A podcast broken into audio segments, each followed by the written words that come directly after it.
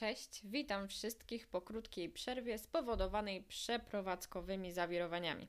Przeprowadzałam się w życiu już kilka razy, ale tą przeprowadzkę mogę z pewnością uznać za największą i najbardziej wymagającą dla mnie.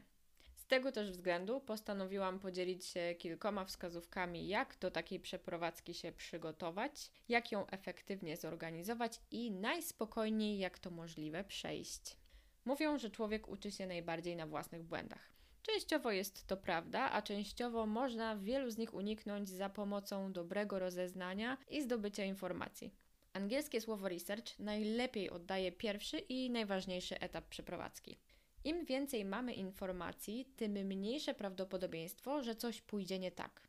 Szukając mieszkania, porównujemy ceny na różnych osiedlach, porównujemy standard, zwracamy uwagę na dostępność do komunikacji miejskiej, na dostępność do sklepów, dróg szybkiego ruchu i innych udogodnień, które akurat nam są potrzebne. Jeżeli chcemy wynająć mieszkanie, to szukamy go odpowiednio wcześniej. Porównujemy standard mieszkań, wybieramy te, które są zadbane. Nie muszą być nowe, ale schludne zdjęcia mówią dużo o właścicielu. Rozmowa telefoniczna to pierwszy krok do tego, by sprawdzić, czy dobrze będziemy się dogadywać z wynajmującym. Zadawajmy wtedy pytania i zwracajmy uwagę na odpowiedzi. Jeżeli po rozmowie mamy negatywne odczucia, najlepiej dać sobie spokój i szukać dalej. Następnie oglądamy mieszkania, nawiązujemy rozmowę i staramy się poznać właścicieli. Chcemy uniknąć związania się umową z niewłaściwymi ludźmi. Oszczędzi nam to wiele, wiele stresu.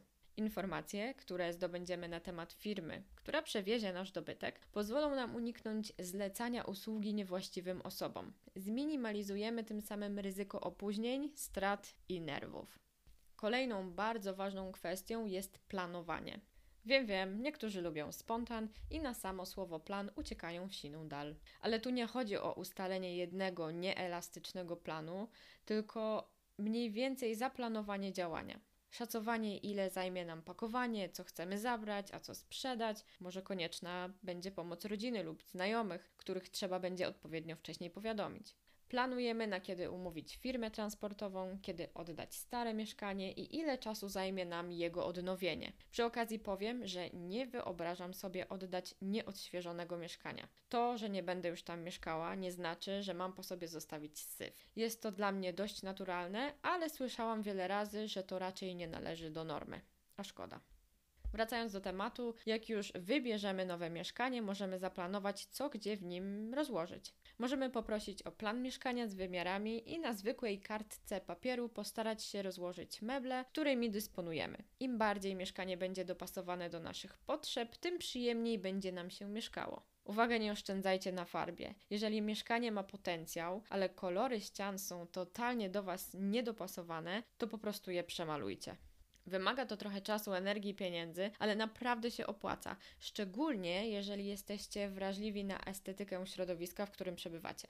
Dobrze jest zaplanować sobie to wszystko w jakimś pliku, w zeszycie czy kalendarzu, zapisać po kolei każdy etap. Dzięki temu nie trzeba będzie o nim pamiętać, a uwierzcie mi, w ferworze tego całego chaosu ciężko jest to wszystko spamiętać. Szczerze powiem, że research i planowanie oszczędziły mi dużo nerwów i stresu. Tak czy siak jest to wymagający czas, który kosztuje ogromne ilości energii, ale jak wszystko mamy ogarnięte wcześniej, to nasze działanie jest zadaniowe i nie tracimy czasu na rozmyślanie o kolejnym kroku, dzięki czemu nie generujemy niepotrzebnych dodatkowych negatywnych emocji. Pamiętajcie też, żeby się wysypiać, nie zarzucać negatywnymi sytuacjami i myślami oraz nie przesadzać z ilością rzeczy do zrobienia na dany dzień. Czasami trzeba będzie odpuścić trening czy ugotowanie obiadu. Nie ma się co oszukiwać. Na końcu dużej przeprowadzki wszyscy są wykończeni, więc warto zadbać, by w miarę możliwości pamiętać o posiłkach, nawadniać je i znaleźć kilka chwil na odpoczynek. Na koniec zapraszam do obserwowania mojego kanału. Jeżeli uważacie, że treści, o których mówię, mogłyby się przydać komuś znajomemu, to zachęcam do udostępniania odcinków.